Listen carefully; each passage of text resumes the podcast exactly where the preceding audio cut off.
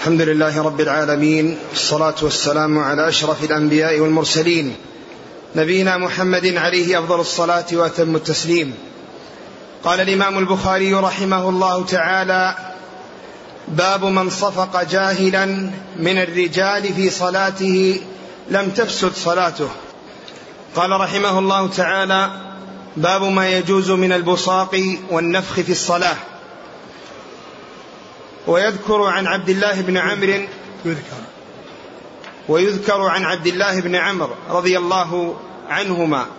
نفخ النبي صلى الله عليه وسلم في سجوده في كسوف. قال حدثنا سليمان بن حرب قال حدثنا حماد عن أيوب عن نافع عن ابن عمر رضي عن ابن عمر رضي الله عنهما أن النبي صلى الله عليه وسلم رأى نخامة في قبلة المسجد. فتغيظ على أهل المسجد وقال إن الله قبل أحدكم فإذا كان في صلاته فلا يبزقن أو قال لا يتنخمن ثم نزل فحتها بيده. وقال ابن عمر رضي الله عنهما إذا بزق أحدكم فليبزق على يساره. قال حدثنا محمد قال حدثنا غندر قال حدثنا شعبة قال سمعت قتادة عن أنس رضي الله عنه عن النبي صلى الله عليه وسلم قال إذا كان في الصلاة فإنه يناجي ربه فلا يبزقن بين يديه ولا عن يمينه ولكن عن شماله تحت قدمه اليسرى. بسم الله الرحمن الرحيم الحمد لله رب العالمين وصلى الله وسلم وبارك على عبده ورسوله نبينا محمد وعلى آله وأصحابه أجمعين. أما بعد يقول الإمام البخاري رحمه الله باب البزاق والنفخ في الصلاة. باب باب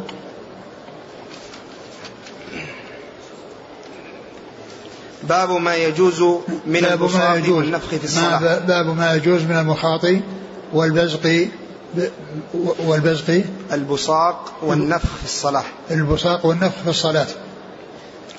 يعني ذكر البخاري رحمه الله هذه الترجمة في آه أنه إذا حصل يعني البزاق أو النفخ في الصلاة فإن ذلك جائز إذا حصل يعني للإنسان لحاجة إليه كان يحصل يعني فيه في فمه شيء يريد أن يلفظه وأن يعني يبزقه فإنه له ذلك وأن ذلك سائغ وجائز. وكذلك النفخ في الصلاة إذا حصل الإنسان في في صلاته يعني فيه بكاء وحصل منه نفخ بسبب ذلك فإن ذلك أيضا سائغ. و وأورد آه، في ذلك الأثر عن عبد الله بن عمر رضي الله تعالى عنهما قال قال ويذكر عن عبد الله بن عمرو. عبد الله بن عمرو نعم. نفخ النبي صلى الله عليه وسلم في سجوده في كسوف. نفخ النبي صلى الله عليه وسلم في سجوده في الكسوف. يعني أنه حصل منه وكان يبكي عليه الصلاة والسلام فحصل منه النفخ. فدل ذلك على أنه سائغ وأنه آه، جائز. نعم. وذكر وذكر هذا بصيغة آه، عدم الجزم حيث قال ويذكر لسبب يعني آه، آه، وهو كونه ليس على شرطه ولكنه صحيح. ولكنه صحيح ولكنه ليس على شرطه. ومن عادة البخاري أنه يذكر صيغة عدم الجزم التي هي التمريض إذا كان الحديث أو الأثر موقوفا أو كان فيه راو على غير شرطه وهذا من هذا القبيل. شوف كلام الحافظ. قوله ويذكر عن عبد الله بن عمرو. إيه؟ نعم. إيه يقول وإنما ذكره البخاري بصيغة التمريض لأن عطاء بن السائب مختلف في الاحتجاج به وقد اختلط في آخر عمره. لكن أخرجه ابن خزيمة من رواية سفيان الثوري عنه وهو ممن سمع منه قبل الاختلاط. وأبوه وثقه العجلي وابن حبان وليس هو من شرط البخاري.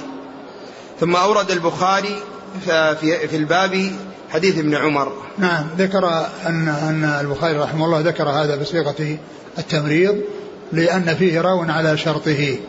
وأما الذي آه، عطاء بن السائب فالآفة فيه الاختلاط ولكن هناك رواة يعني معروفين إذا كانت الرواية من طريقهم وقد وهم قد رووا عنه قبل الاختلاط فإن ذلك لا يؤثر.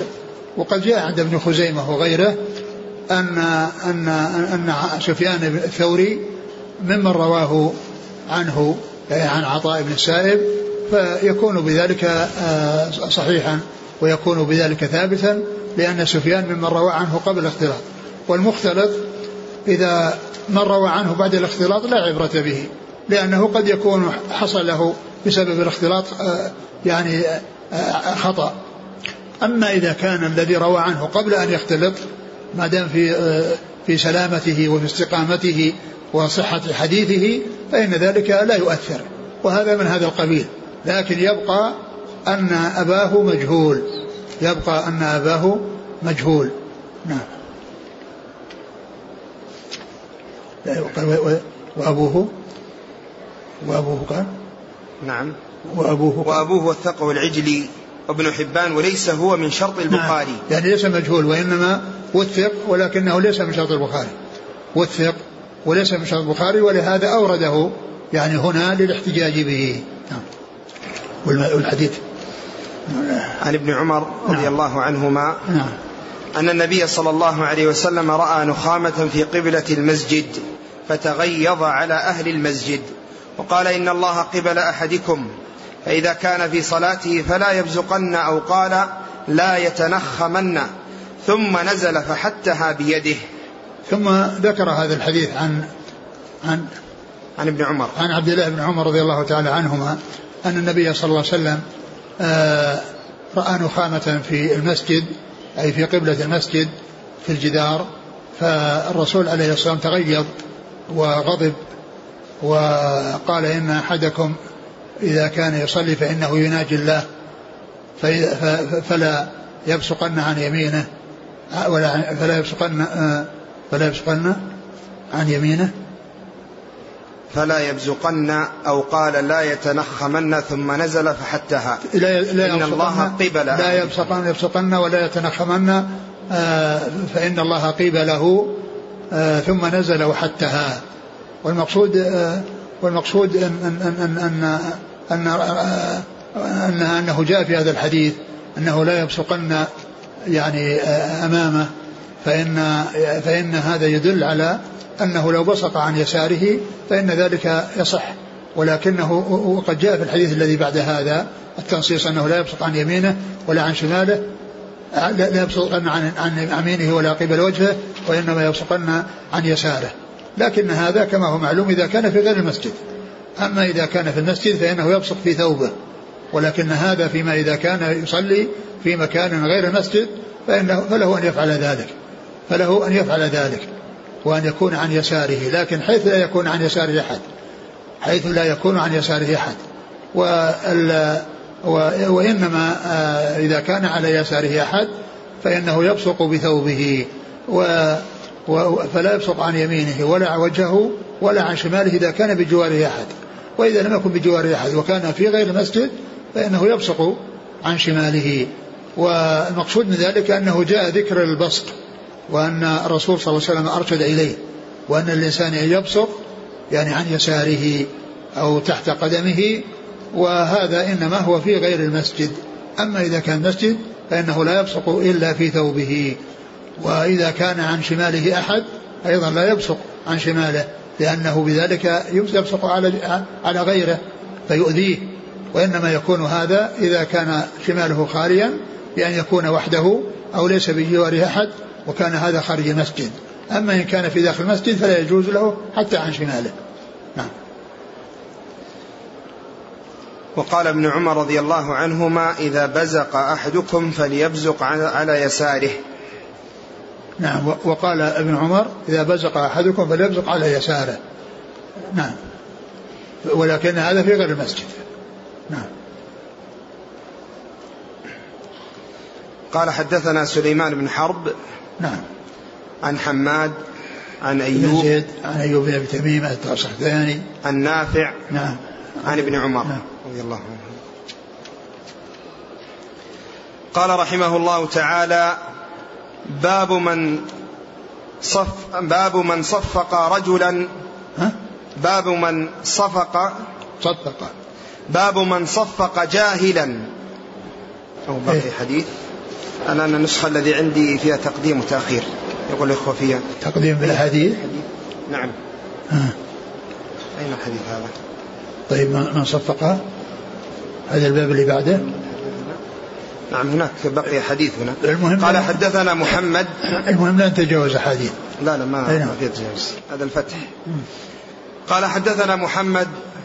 قال حدثنا محمد هذا اللي راه. هذا الحديث الثاني اي نعم. نعم محمد لا زلنا في الباب. نعم رجال. أي نعم. قال حدثنا محمد. هو الذي يروي محمد بن بشار. الذي يروي عن غندر المعروف الرواية عنه هو محمد بن بشار.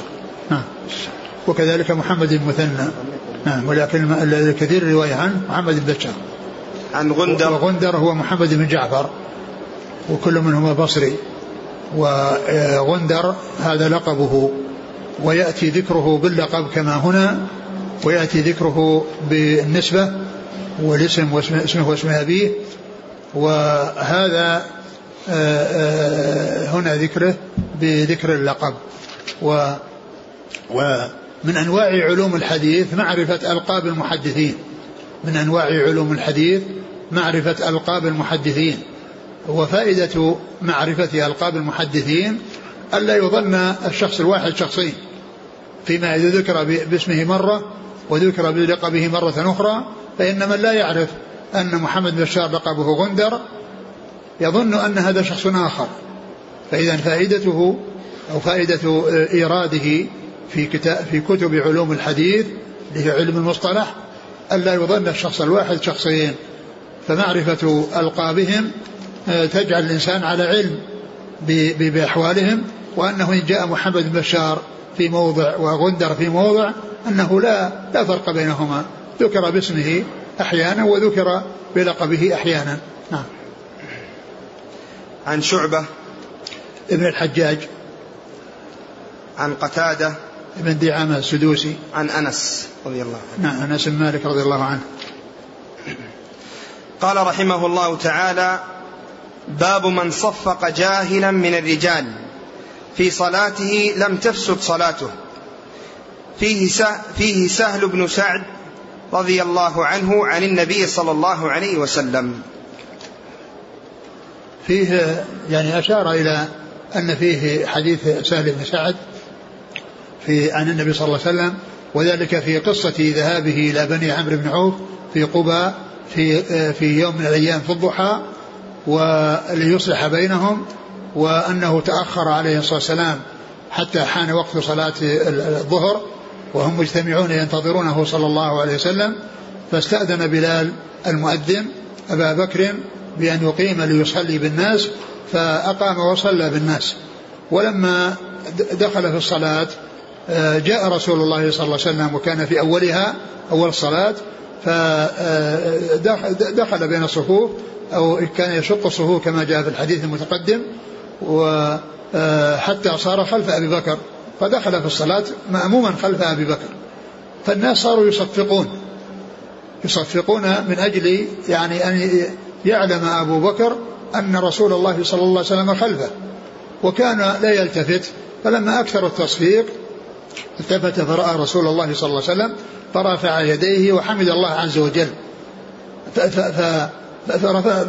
التفت فإذا رسول الله صلى الله عليه وسلم فأشار إليه بيده وكان في الصلاة أن يثبت وأن يبقى مكانه ولكنه لم تطلب نفسه بأن يبقى مكانه ورسول الله صلى الله عليه وسلم خلفه ولكنه لما أرشده أشار إليه بأن يبقى رفع يديه وحمد الله عز وجل ثم رجع القهقرى وتقدم رسول الله صلى الله عليه وسلم. وس- وتقدم رسول الله صلى الله عليه وسلم وتأخر أبو بكر. فالحديث سبق أن مر وأورده من أجل هؤلاء الذين صفقوا وكانوا جاهلين. وكانوا جاهلين لأن الكلام عندهم لا يتكلمون في الصلاة. قد عرفوا أو عرفوا المنع من الكلام في الصلاة فلم يكلموا أبا بكر لأنهم عالمون بأن الكلام لا, لا يجوز ولكنهم صفقوا. فالرسول عليه الصلاة والسلام آه فأبو بكر رضي الله عنه لما سمع تصفيقهم وأكثروا التفت فإذا رسول الله صلى الله عليه وسلم فتأخر. فمحل الشاهد أن الرسول صلى الله عليه وسلم ما قال أعيدوا الصلاة يعني هؤلاء الذين صفقوا. يعني فإذا من صفق وهو جاهل فإن صلاته صحيحة ولا يؤثر. وهذا مثل أيضا لو, لو تكلم يعني إنسان يعني مخطئا أو في صلاته فإن ذلك لا يؤثر. ويدل على ذلك قصة معاوية بن الحكم السلمي رضي الله عنه الذي آآ آآ لما عطس يعني لما لما عطس حمد شمت شخصا فقال يرحمك الله فجعل الناس يضربون على أفخاذهم يعني يريدون أنه يصمت وأنه لا يعني يتكلم. فبعد ذلك سكت ولما فرغوا من الصلاة قال عليه الصلاة والسلام إن الصلاة لا يصلح فيها شيء من كلام الناس. من نابه يعني إنما هي إنما هي التحليل والتكبير وقراءة القرآن. ولم يعده ولم يأمره بأن يعيد الصلاة. وكان قد وقد ثبت عندهم وعرفوا أن الكلام في الصلاة غير جائز فكانوا يعني هو هو تكلم أو ظن أن التشميت جائز وأنه خطاب لشخص فصاروا يضربون على أفخاذهم يصمتونه فسكت. و والرسول عليه الصلاة والسلام ما أمره بالإعادة. ما أمره بالإعادة لما تكلم وشمت الشخص الذي عن يمينه أو عن يساره. نعم. فهو أورده هنا يعني ب بحكاية محل الحديث أو ذكر الحديث الذي فيه الشاهد. الحديث الذي فيه الشاهد وقد تقدم وسيأتي. نعم. قال رحمه الله تعالى باب إذا قيل للمصلي تقدم. الإسناد. ما في سهل. لا لا ما في ما في سهل. نعم. نعم. ما في حديث. إي نعم. مسند نعم. معلق. قال رحمه الله تعالى باب إذا قيل للمصلي تقدم أو انتظر فانتظر فلا بأس. قال حدثنا محمد بن كثير قال أخبرنا سفيان عن أبي حازم عن سهل بن سعد رضي الله عنه قال كان الناس يصلون مع النبي صلى الله عليه وسلم وهم عاقد أزرهم من الصغر على رقابهم. فقيل للنساء لا ترفعن رؤوسكن حتى يستوي الرجال جلوسا. ثم ذكر باب من باب؟ باب باب إذا قيل للمصلي تقدم نعم. أو انتظر فانتظر فلا بأس. باب إذا قيل للمصلي تقدم أو قيل له انتظر فلا بأس بذلك. وهذا القول لا يقوله من في الصلاة. لا يتكلم فيه من كان في الصلاة يقول تقدم مصلي يقول تقدم لا يقول لا يجوز ذلك. ولكنه يقوله يعني يقال له قبل الصلاة يعني بأن يتقدم كأن يكون الإمام يعني يسوي الصفوف ويقول لهذا تقدم ولهذا تأخر يعني فهذا هذا قبل أن تدخل قبل أن يدخل في الصلاة. يعني ف, ف أو يقول إنسان يعني لغيره من المصلين وهو لم يدخل الصلاة وكان متقدما متأخرا يقول له تقدم أو يقول له تأخر لا بأس به. يعني مصلي يجد واحد متقدم والناس يصلون أو متأخر والناس يصلون يقول له تقدم ويقول له تأخر. لأن هذا القاء خارج الصلاة وهو خارج من كان في داخل الصلاة. وأورد هذا الحديث الذي فيه أن الصحابة كانوا يصلون وكانوا عاقدي الأزر على عاقد ثيابهم على من صغرها وقصرها على على في رقابهم يعني من أجل ألا تسقط وتنكشف عوراتهم و وذلك لصغر لصغر الثوب الذي والثوب يعني الشيء الذي يلتحم به لأن ذلك يقال له ثوب ويكون عليهم قطعة من القماش التحف بها وعقد طرفها على رقبته حتى لا تسقط.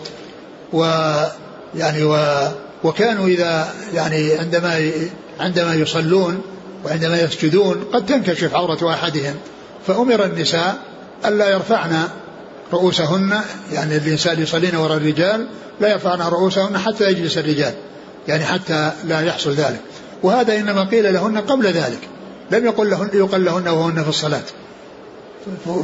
فدل على أن الإنسان يتأخر يعني من أجل مصلحة لا من أجل مصلحة الصلاة ولكن من أجل مصلحة عدم رؤية العورة. وإلا فإن الأصل الناس يقومون مع بعض. إذا إذا إذا ركع ركعوا وإذا سجد سجدوا وإذا قام من السجود قاموا جميعا وهكذا. لكن مع حاله مع هذه حالهم الشديدة التي فيها قلة ذات اليد وأنهم ليس عندهم ألبسة يعني ساترة كافية فكان من حالهم أنه يحصل لهذا. فأخبر النساء قبل الصلاة. ولكن هذا العمل الذي عملناه وهو التأخر تأخرنا لا لمصلحة الصلاة ولكن لمصلحة أخرى وهي عدم الاطلاع على عورات الرجال الذين يلونهن. فإذا المخاطبة الرجل المصلي لا يخاطب مصليا يعني بالكلام ولكنه يمكن إذا كان بجواره يعني يقدمه أو يؤخره بيده لكن إذا كان متأخر أو متقدم واحد ما دخل في الصف فله أن يقول تقدم ويقول تأخر وهذا عليه أن يستجيب.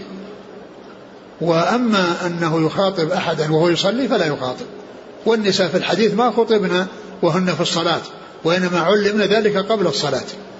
وفيه دليل على أن الإنسان أن المصلي قد يعني يفعل شيئا لا لمصلحة الصلاة وإنما لمصلحة أخرى كما جاء في هذا الحديث لأن هذا ليس من أجل الصلاة وإنما من أجل عدم الاطلاع على العورات. و والأصل أن المأمومين جميعا يكونون يعني إذا ركع الإمام ركعوا وإذا سجدوا وإذا رفع رفعوا لا يتأخر أحد عن أحد. هذا هو الأصل. وإن كان قد يتقدم بعضهم ويتأخر لكن الأصل أنهم سوا لكن في مثل هذه الصورة طلب منهم قبل الصلاة اللي هن من النساء قبل الصلاة وأن يكون ذلك معلوم لهن من قبل أن لا يرفعن رؤوسهن وهن ساجدات حتى ينتهي الرجال الذين أمامهم أمامهن من من السجود إلى الجلوس حتى لا ترى العورات نعم. قال حدثنا محمد بن كثير العبدي عن سفيان الثوري عن أبي حازم وهو سلمة بن دينار. عن سهل بن سعد نعم. رضي الله عنه. الإشارة للمصلي أن أن يتقدم أو يتأخر بيده. الإشارة الإشارة باليد. ما في بأس. يعني كل إنسان يعني إذا كان بجواره إذا كان بجواره له أن يحركه بيده وله أن أن أن يشير إليه بأن يتقدم إذا كان متأخر أو إذا كان أنه متقدم يعني يحركه حتى يرجع لا بأس بذلك في الصلاة. قال رحمه الله تعالى باب لا يرد السلام لا يرد السلام في الصلاة. لا لا لا, لا يرد السلام في الصلاة أو لا يرد السلام في الصلاة. باب لا لا يرد السلام في الصلاة. نعم. قال حدثنا عبد الله بن أبي شيبة قال حدثنا ابن فضيل عن الأعمش عن إبراهيم عن علقمة عن, عن علقمة عن عبد الله رضي الله عنه قال كنت أسلم على النبي صلى الله عليه وسلم وهو في الصلاة فيرد علي. فلما رجع فلما رجعنا سلمت عليه فلم يرد علي. وقال إن في الصلاة شغلا. ثم ذكر باب لا يرد السلام في الصلاة. لا يرد السلام في الصلاة أي المصلي إذا سلم عليه فإنه لا يرد بالكلام ولكنه يرد بالإشارة. يرد بالإشارة لأنه جاء عن النبي صلى الله عليه وسلم ما يدل على ذلك. لأن المصلي يرد بالإشارة إذا كان يصلي ولا يرد بالكلام فلا يقول وعليكم السلام. إذا سلم عليه أحد يقول السلام عليكم لا يقول وعليكم السلام. وإنما يرد بالإشارة. يرد بالإشارة هذا جاءت به السنة. ف آه، عبد الله بن مسعود رضي الله عنه قبل ذلك كانوا يسلمون على النبي صلى الله عليه وسلم وهو في الصلاة فيرد عليهم. ولما ذهبوا إلى الحبشة ورجعوا يعني آه، سلموا عليه فما كان فلم يرد عليهم. وقال إن في الصلاة لشغلا يعني الإنسان مشغول في الصلاة فلا يخاطب أحدا ولا يتكلم مع أحد وإنما يكون شغله الشاغل الصلاة يكون مقبلا عليها. فنسخ ذلك الذي كان سائغا من قبل ومنع منه فصار المصلي لا يتكلم ولو ولو ولو برد السلام. أي كلام لا يتكلم به ولا يخاطب أحدا ولو كان برد السلام ولكنه يرد بالإشارة كما ثبت ذلك عن رسول الله عليه الصلاة والسلام. نعم. قال حدثنا عبد الله بن أبي شيبة. هو أبو بكر بن أبي شيبة. أبو بكر بن أبي شيبة يعني روى له البخاري ومسلم ومسلم أكثر الحديث عنه بل هو أكثر أك يعني أكثر شيوخه الذي رواية أكثر مسلم رحمه الله أكثر شيخ روى عنه أبو بكر بن أبي شيبة لأنه ذكر في التقريب أنه روى له مسلم 1500 حديث. يعني معناه أن جاء ذكر ابن أبي بكر أبو بكر بن أبي شيبة يعني 1500 1500 مرة لكثرة لكثرة روايته عنه. فهو أكثر شيخ روى عنه مسلم. وأما البخاري فقد روى عنه كثيرا ولكن الغالب أن المسلم مسلم يذكره بكنيته دائما أبو بكر بن شيبة. أما البخاري فإنه يذكره باسمه فإنه يذكر باسمه كما هنا. قال حدثنا عبد الله بن أبي شيبة. حدثنا عبد الله بن أبي شيبة وقد يذكره لكن الغالب عليه أما مسلم فهو فهو يذكره باسمه بكنيته. عن ابن فضيل. محمد بن فضيل. عن الأعمش. سليمان بن مهران. عن إبراهيم. النخعي. عن علقمة. النخعي. عن عبد الله. بن مسعود رضي الله عنه. قال حدثنا أبو معمر. قال حدثنا عبد الوارث. قال حدثنا كثير بن شنظير. عن عطاء بن أبي رباح. عن جابر بن عبد الله رضي الله عنهما قال بعثني رسول الله صلى الله عليه وسلم في حاجة له. فانطلقت ثم رجعت وقد قضيتها. فأتيت النبي صلى الله عليه وسلم فسلمت عليه فلم يرد علي فوقع في قلبي ما الله أعلم به. فقلت في نفسي لعل رسول الله صلى الله عليه وسلم وجد علي أني أبطأت عليه ثم سلمت عليه فلم يرد علي. فوقع في قلبي أشد من المرة الأولى ثم سلمت عليه فرد علي فقال إنما منعني أن أرد عليك أني كنت أصلي وكان على راحلته متوجها إلى غير القبلة. ثم ذكر هذا الحديث عن جابر بن عبد الله رضي الله تعالى عنهما وأن النبي صلى الله عليه وسلم أرسله في حاجة وكان يسير في سفر عليه الصلاة والسلام وكانوا مسافرين فذهب عبد ذهب عبد الله عبد عبد الله مسعود.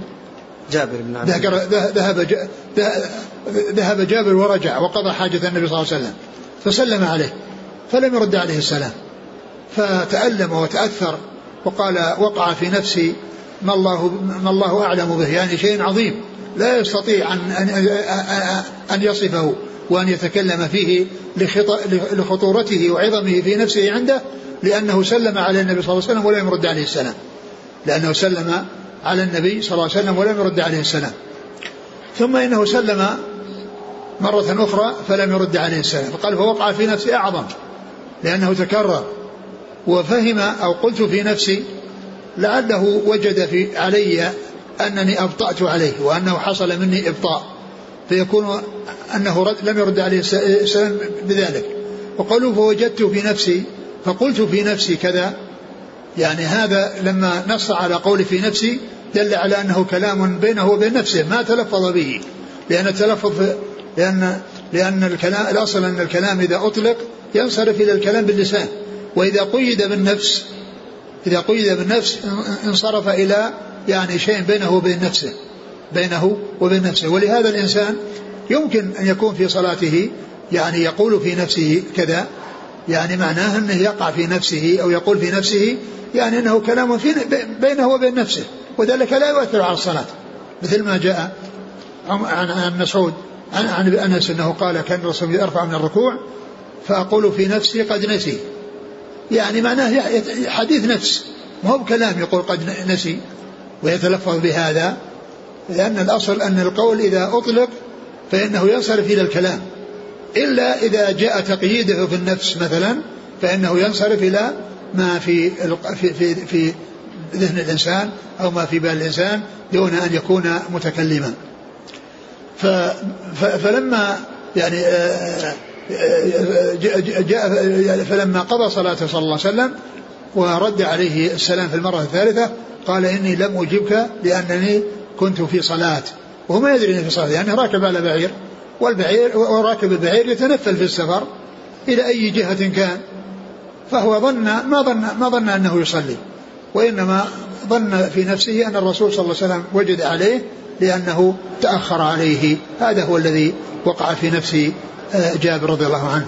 وهذا يدل على على أن المصلي لا يرد السلام لأن النبي صلى الله عليه وسلم ما رد عليه السلام في المرة الأولى ولا الثانية. لأن المصلي لا يرد السلام. قال حدثنا أبو معمر عبد الله بن عمرو. عن عبد الوارث. بن سعيد العنبري. عن كثير بن شنذير. نعم. عن عطاء بن أبي رباح. نعم. عن جابر بن عبد الله رضي نعم. الله عنه قال رحمه الله تعالى باب رفع الأيدي في الصلاة لأمر ينزل به.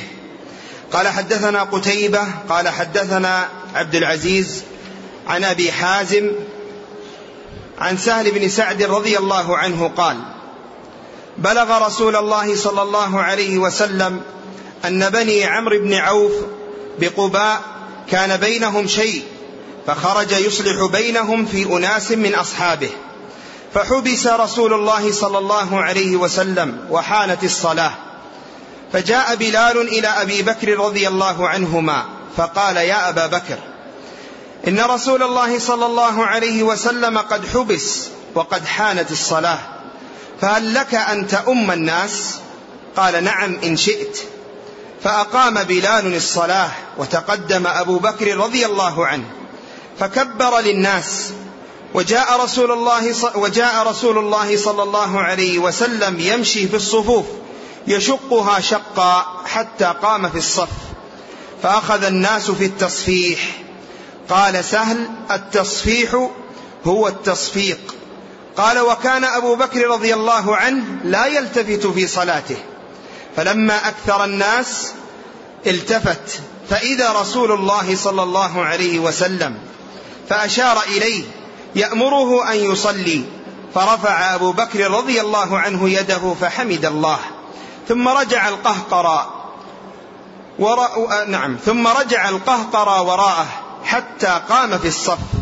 وتقدم رسول الله صلى الله عليه وسلم فصلى للناس. فلما فرغ أقبل على الناس فقال يا أيها الناس ما لكم حين نابكم شيء في الصلاة أخذتم بالتصفيح؟ إنما التصفيح للنساء. من نابه شيء في صلاته فليقل سبحان الله.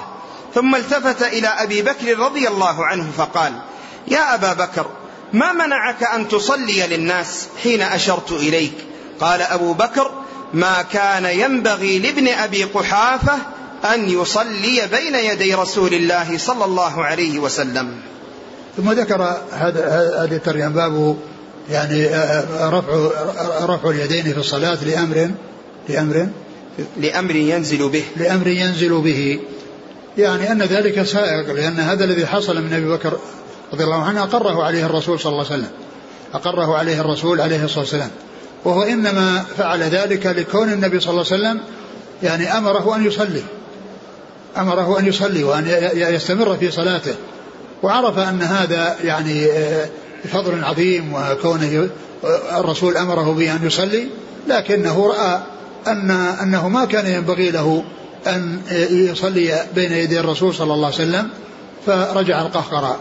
وهذا الحديث هو الذي مر في حكم تصفيق الرجل يعني جاهلا وأن ذلك لا يؤثر على صلاته وقد أشار إليه إشارة فقط في الترجمة السابقة وأورده هنا كاملا في هذه الترجمة وأورده كاملا قبل ذلك و ولكنه أورده من أجل هذه الجملة ويكون أبو بكر رضي الله عنه رفع يديه يعني وقال الحمد لله.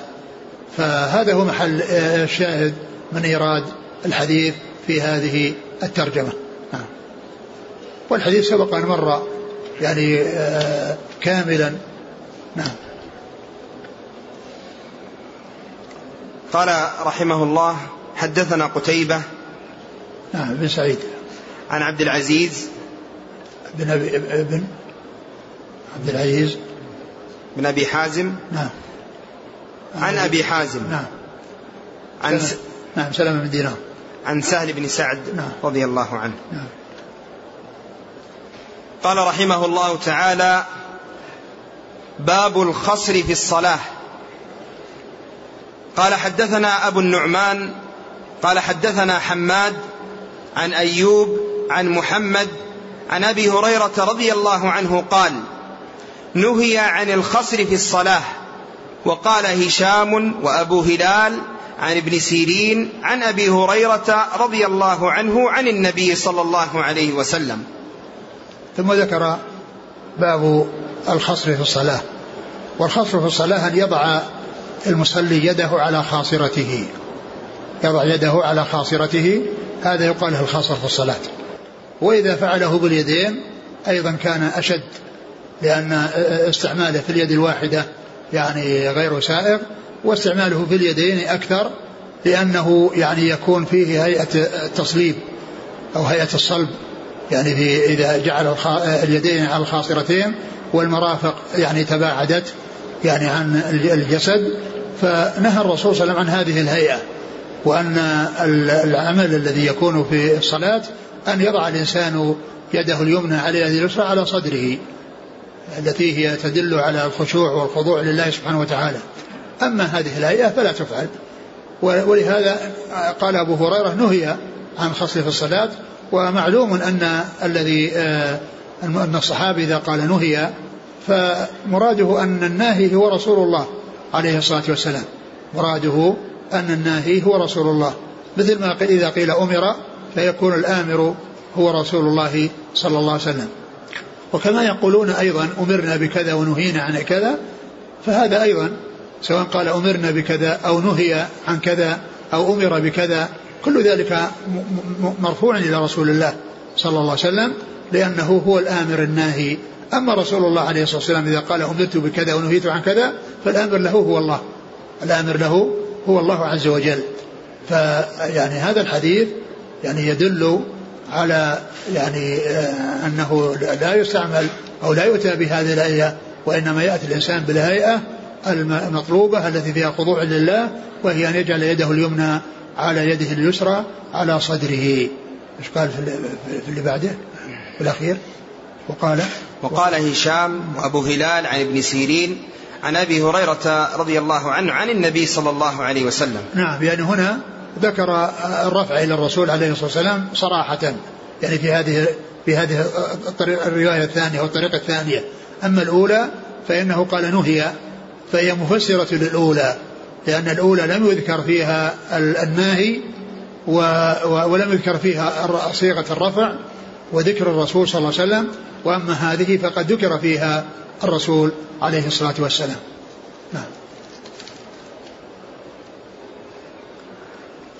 قال رحمه الله تعالى نعم أنا نعم قال أبو النعمان قال حدثنا أبو النعمان محمد بن فضل عن حماد حماد بن زيد عن أيوب بن أبي تميم السختياني عن محمد بن سيرين. عن أبي هريرة. نعم. قال رحمه الله تعالى حدثنا عمرو بن علي قال حدثنا نعم عن هشام الإسناد الذي قبله الطريق الثاني. نعم. الثاني. عمرو بن علي؟ عن هشام. الفلاس لا آه عندك قبل قبل قبل الإسناد الثاني آه. هناك عن هشام. نعم هشام الدستوائي. وأبو هلال. آه، هو هشام بن حسان. أبو هلال أبو هلال؟ لا هشام. عن هشام؟ هشام بن حسان. هشام بن حسان نعم. أنا قلت دستوائي. أي نعم. هو هشام حسان. أبو هلال. ما هو؟ الراسبي الراسبي نعم. عن ابن سيرين. نعم. عن أبي هريرة. نعم. قال حدثنا عمرو بن علي. قال حدثنا يحيى. قال حدثنا هشام. حدثنا محمد. قال حدثنا محمد عن أبي هريرة رضي الله عنه قال نهي أن يصلي الرجل مختصرا. انتهى. نعم. ثم ذكر هذه الطريقة الثانية عن أبي هريرة وفيها أن النبي أنه أنه قال نهي أن يصلي الرجل مختصرا. نهي أن يصلي الرجل مختصرا. فهو مثل الذي قبله إلا أن هذا فيه ذكر آه، يعني ال يعني آه، نائب الفاعل وهو الرجل ولكن الرجل ذكر الرجل لا مفهوم له. ذكر الرجل لا مفهوم له. فإن المرأة كذلك ليس لها أن تصلي مختصرة. وإنما يذكر ذكر يأتي ذكر الرجال في التنصيص عليهم لأن الغالب الخطاب معهم فلا يكون له مفهوم بمعنى أن المرأة ليست كذلك بل هي كذلك ولكن الغالب في الاستعمال في, في, في, في, في ذكر الخطاب أنه يعني يكون مع الرجال. ولهذا يأتي أحاديث كثيرة ويأتي أيضا في التراجم أبواب كثيرة فيها ذكر الرجل وليس المقصود من ذلك أن له مفهوم بأن المرأة بخلاف ذلك. وهذا يأتي كثيرا في الأحاديث. لا تتقدموا رمضان بيوم أو يومين إلا رجلا كان يصوم عليه كان عليه صوم فليصمه. كان يصوم صوما فليصومه في المرأة كذلك. إذا كانت تصوم يعني آه لها صوم تصومه وافق يعني آه آه يعني يعني آخر رمضان فإنه لا بأس به. لا فرق بين الرجل والمرأة.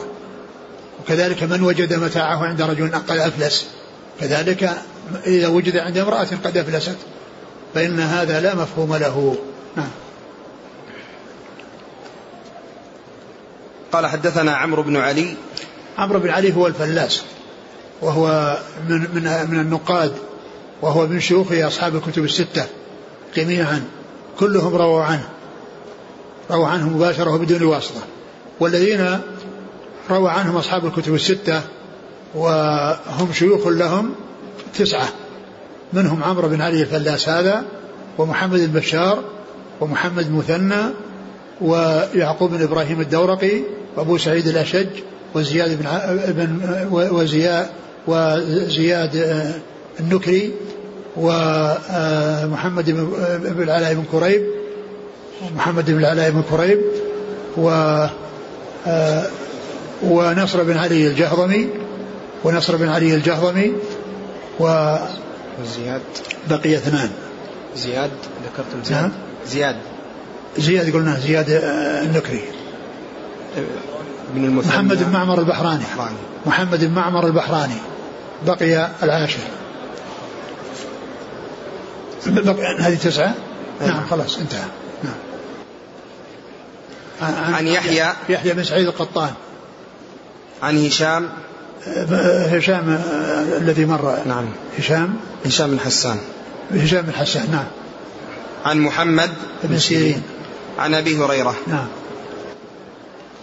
قال رحمه الله تعالى باب يفكر الرجل الشيء في الصلاة. نعم. وقال عمر رضي الله عنه إني لأجهز جيشي وأنا في الصلاة. قال حدثنا إسحاق بن منصور قال حدثنا روح قال حدثنا عمر هو ابن سعيد قال أخبرني ابن أبي مليكة عن عقبة ابن الحارث رضي الله عنه قال صليت مع النبي صلى الله عليه وسلم العصر فلما سلم قام سريعا فدخل على بعض نسائه ثم خرج ورأى ما في وجوه القوم من تعجبهم لسرعته فقال ذكرت وأنا في الصلاة تبرا تبرا عندنا فكرهت فكرهت أن يمسي أو يبيت أو يبيت أن يمسي أو يبيت عندنا فأمرت بقسمته. ثم ذكر باب تفكر تفكر, تفكر باب يفكر ترجمة. باب يفكر الرجل الشيء في الصلاة. باب باب يفكر الرجل الشيء في الصلاة. يعني يتفكر بالشيء. وفي بعض تراجم باب تفكير الرجل الشيء في الصلاة. يعني أنه يحصل منه التفكير في الصلاة. مما هو شيء مما له مما له مما لا تعلق له بالصلاة. يعني أن ذلك سائغ وحاصل. ولا يعني ولا يعني يمكن التخلص منه. لكن بشرط ألا يترك ركنا من أركان الصلاة بأن لا يحصل في تفكيره أو حصول تفكره أن يترك ركنا من أركان الصلاة فإن ذلك لا يؤثر لأن الشيطان يجري من آدم مجرى مجرى الدم ويعني وهو يشوش عليه في صلاته ويريد أن يفسدها عليه وقد ذكر أحاديث تدل على ذلك منها هذا الحديث الذي آه، عن هذا الصحابي الذي صلى مع النبي هو عقبة بن الحارث؟ عقبة. عقبة بن الحارث رضي الله أنه صلى مع النبي صلى الله عليه وسلم العصر فلما فرغ من الصلاة قام مسرعا وراح إلى بيته ففزع الناس لهذه السرعة وحسبوا أن يكون هناك شيء حصل يعني لأن هذا ليس من عادته صلى الله عليه وسلم. ليس من عادته أنه يسلم ثم يقوم بسرعة ويذهب إلى بيته. فالرسول عليه الصلاة والسلام علم يعني أنهم آه، آه، تأثروا من ذلك أو فرجع إليهم وقال لعلكم آه، يعني حصل لكم شيء من من, من سرعتي. فقال إنه كان إن, ذكرت في الصلاة أن تبرا عندنا يعني تبرا يعني شيء من الذهب فأراد الا يمسي أو الا يبيت وقد إلا وقد قسم لأنه يعني يريد أن يبادر إلى إلى التوصية بالتخلص منه والا يعني يبقى إلى إلى المبيت أو لا يحصل المبيت وهو موجود لم يقسم ولم يصل إلى من يستحقه. ومحل الشاهد من قال ذكرت وأنا في الصلاة. ذكرت وأنا في الصلاة. هذا محل اللي حصلت فكرة في الصلاة بشيء لا علاقة لا علاقة له بالصلاة.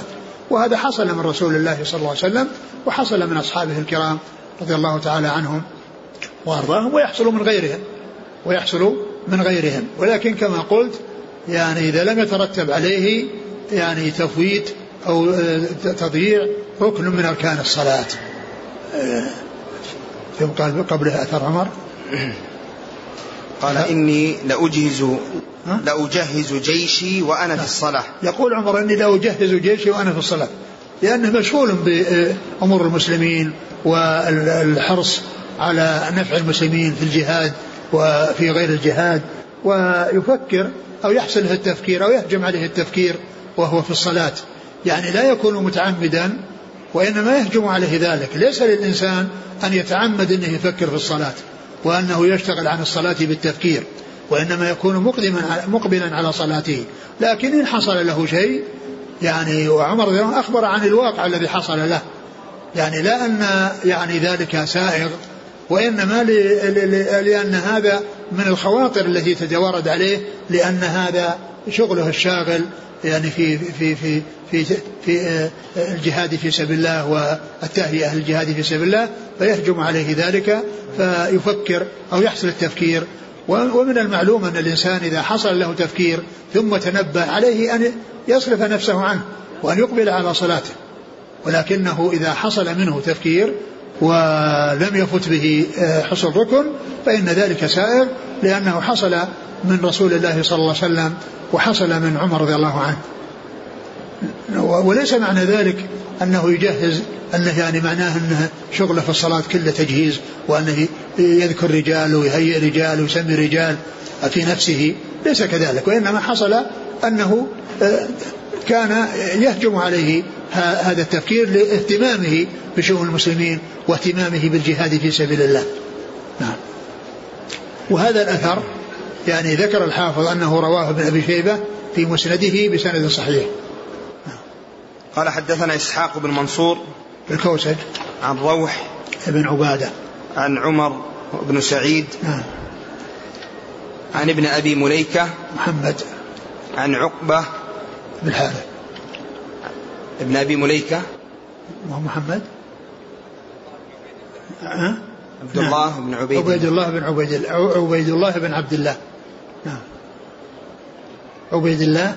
وعبد الله بن عبيد الله. عبد الله بن عبيد الله. عن عقبة عقبة, عقبة بن الحارث. رضي الله قال رحمه الله تعالى حدثنا يحيى بن بكير قال حدثنا الليث عن جعفر عن الأعرج. قال قال أبو هريرة رضي الله عنه قال رسول الله أنه قال رسول الله صلى الله عليه وسلم إذا أذن بالصلاة أدبر الشيطان له ضراط حتى لا يسمع الأذان حتى لا يسمع التأذين. فإذا سكت المؤذن أقبل فإذا ثوب أدبر فإذا سكت أقبل فلا يزال بالمرء يقول له اذكر ما لم يكن يذكر حتى لا يدري كم صلى. قال أبو سلمة بن عبد الرحمن إذا فعل أحدكم ذلك فليسجد سجدتين وهو قاعد. وسمعه أبو سلمة من أبي هريرة رضي الله عنه. ثم ذكر هذا الحديث الذي فيه تشويش الإنسان عليه تشويش الشيطان على الإنسان في صلاته وأنه يشوش على الناس يعني في الصلاة. وأنه إذا يعني يكون مع الناس ولكنه يكون معهم في المسجد ويعني ويشوش عليهم على كل واحد منهم وإذا سمع الأذان أدبر خرج هرب. فإذا فرغ من الأذان رجع بين الأذان والإقامة مع الناس يشوش عليهم ويعني في, في, في, في شيء في نفوسهم. فإذا ثوب يعني رجع إلى النداء مرة أخرى بالإقامة. يعني ثوب رجع, رجع إلى إلى الإقامة فنودي بها وهي ذكر لله عز وجل فإنه يهرب مرة أخرى لأنه سمع الذكر. فثوب يعني آه، أعيد ذكر الله أو عاد ذكر الله آه، بالإقامة. فإذا فرغ منها رجع وصار مع الناس في صلاتهم يقول اذكر كذا اذكر كذا ويأتي يذكره أشياء ما كانت على باله ليشغل الإنسان عن صلاته. قال ف... ف... ف... قال إيش؟ قال إذا نعم. قال إذا أذن بس إذا أذن بالصلاة. آخر الحديث قال فلا يزال بالمرء يقول له اذكر ما لم يكن يذكر حتى لا يدري كم صلى. نعم حتى يعني حتى يتشوش في عدد الركعات. حتى يتشوش في عدد الركعات لأنه مشغول. لأنه شغله الشيطان بأمور يذكرها إياه. ويعني فكان من أسبابها أنه يعني ينسى ما صلى. يعني كم صلى ركعتين صلى ثلاث قد يحصل له ذلك. قال فمن وجد شيئا من ذلك يعني ثم ذكره في الأخير أنه يسجد سجدتين يعني من أجل هذا الشك هل, هل يعني صلى لكنه يبني على اليقين. إذا كان شك هل ثنتين أو ثلاث فإنه يبني على الأقل الذي هو اليقين. ولكنه يسجد لهذا لهذا السهو الذي حصل في الصلاة لكونه لا يدري كم صلى. نعم. قال حدثنا يحيى بن بكير. أعد الحديث.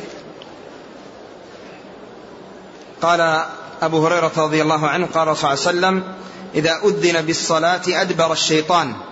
أدبر, أدبر الشيطان له ضراط حتى لا يسمع التأذين. فإذا سكت المؤذن أقبل. فإذا ثوب أدبر. فإذا سكت أقبل. التأذين مصدر أذن وكثيرا ما يأتي الأذان وهو اسم مصدر. اسم مصدر. الأذان اسم مصدر والتأذين آه، مصدر. وهذا مثل البيان والتبيين البيان والتبيين الأذان والتأذين وغير ذلك والسلام والتسليم والكلام والتكليم. هذه مصادر وأسمى مصادر. وكثيرا ما يأتي استعمال المصادر. يعني مثل الأذان أكثر ما يأتي بلفظ الأذان الذي هو اسم مصدر. والتأذين يأتي أقل منه مثل ما هنا قال حتى لا يصلح التأذين. نعم.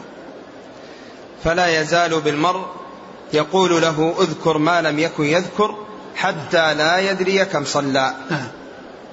بعده قال أبو سلمة بن عبد, بن عبد الرحمن إذا فعل أحدكم ذلك فليسجد سجدتين وهو قاعد. وسمعه أبو سلمة من أبي هريرة رضي الله عنه.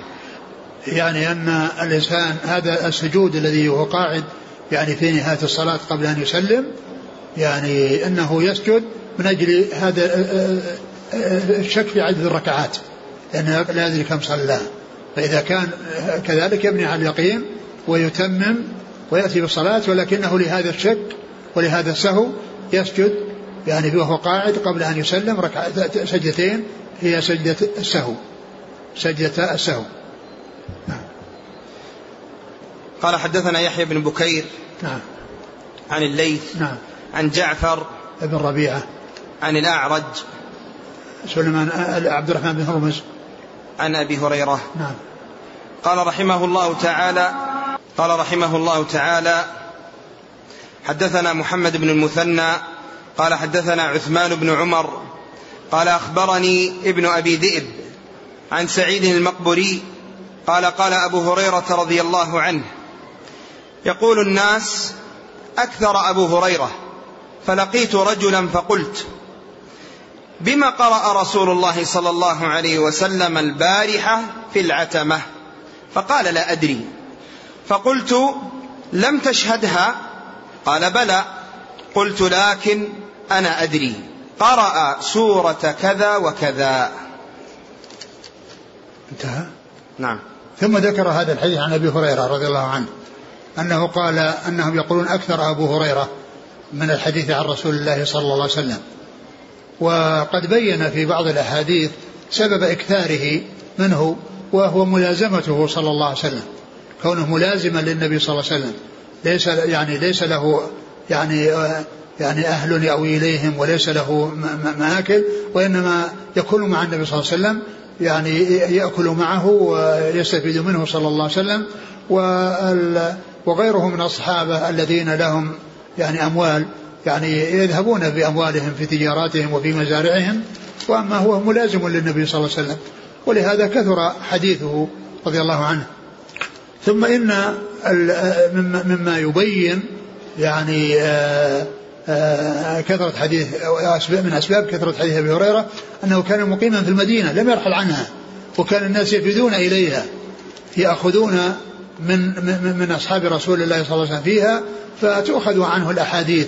وكذلك هو يأخذ عن عن عن, عن الصحابة الشيء الذي آه، عندهم مما لم يكن سمعه لأن كثيرا من روايات الصحابة هي من بعضهم عن بعض ولكنها يعني آه، مراسيل الصحابة حجة لأنهم لا يروونها إلا عن الصحابة ورواياتهم إنما هي عن الصحابة.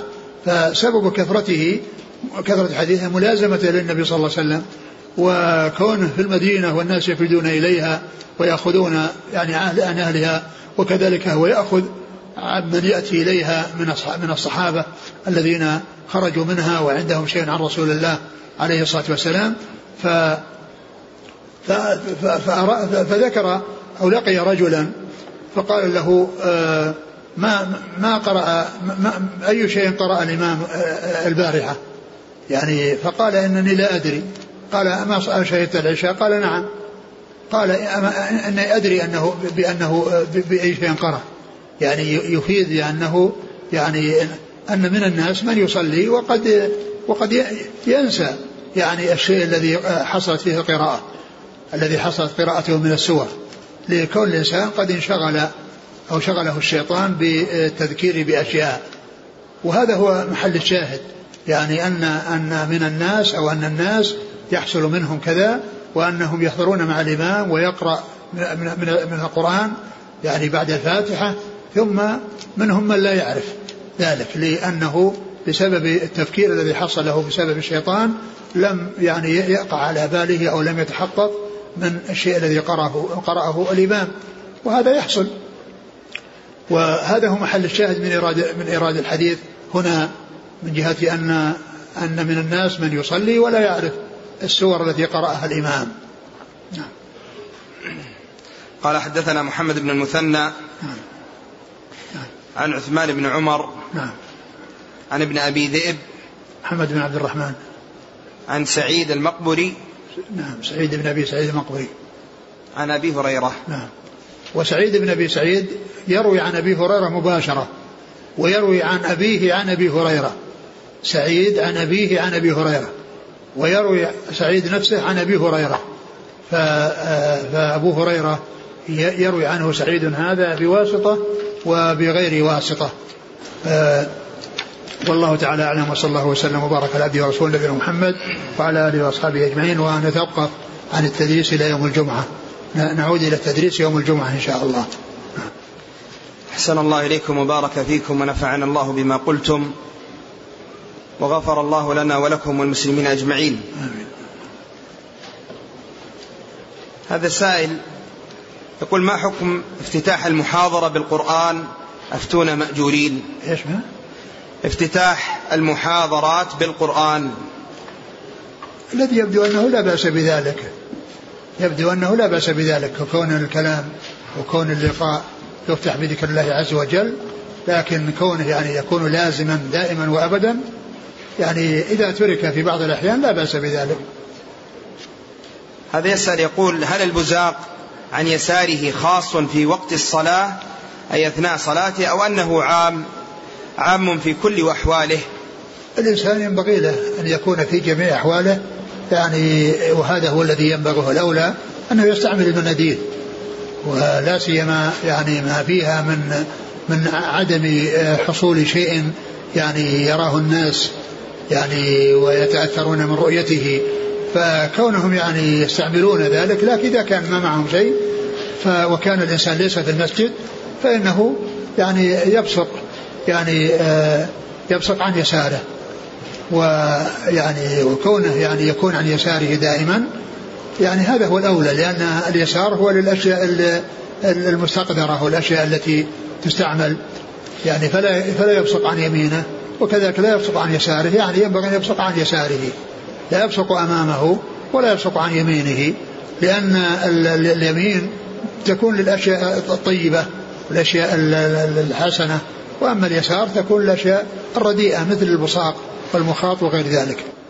هذا السائل يسأل عن الضحك في الصلاة هل يبطلها؟ التبسم لا يؤثر وأما القهقهة والضحك الذي يعني يعني يسمع يعني صوت للضحك هذا لا شك يبطلها.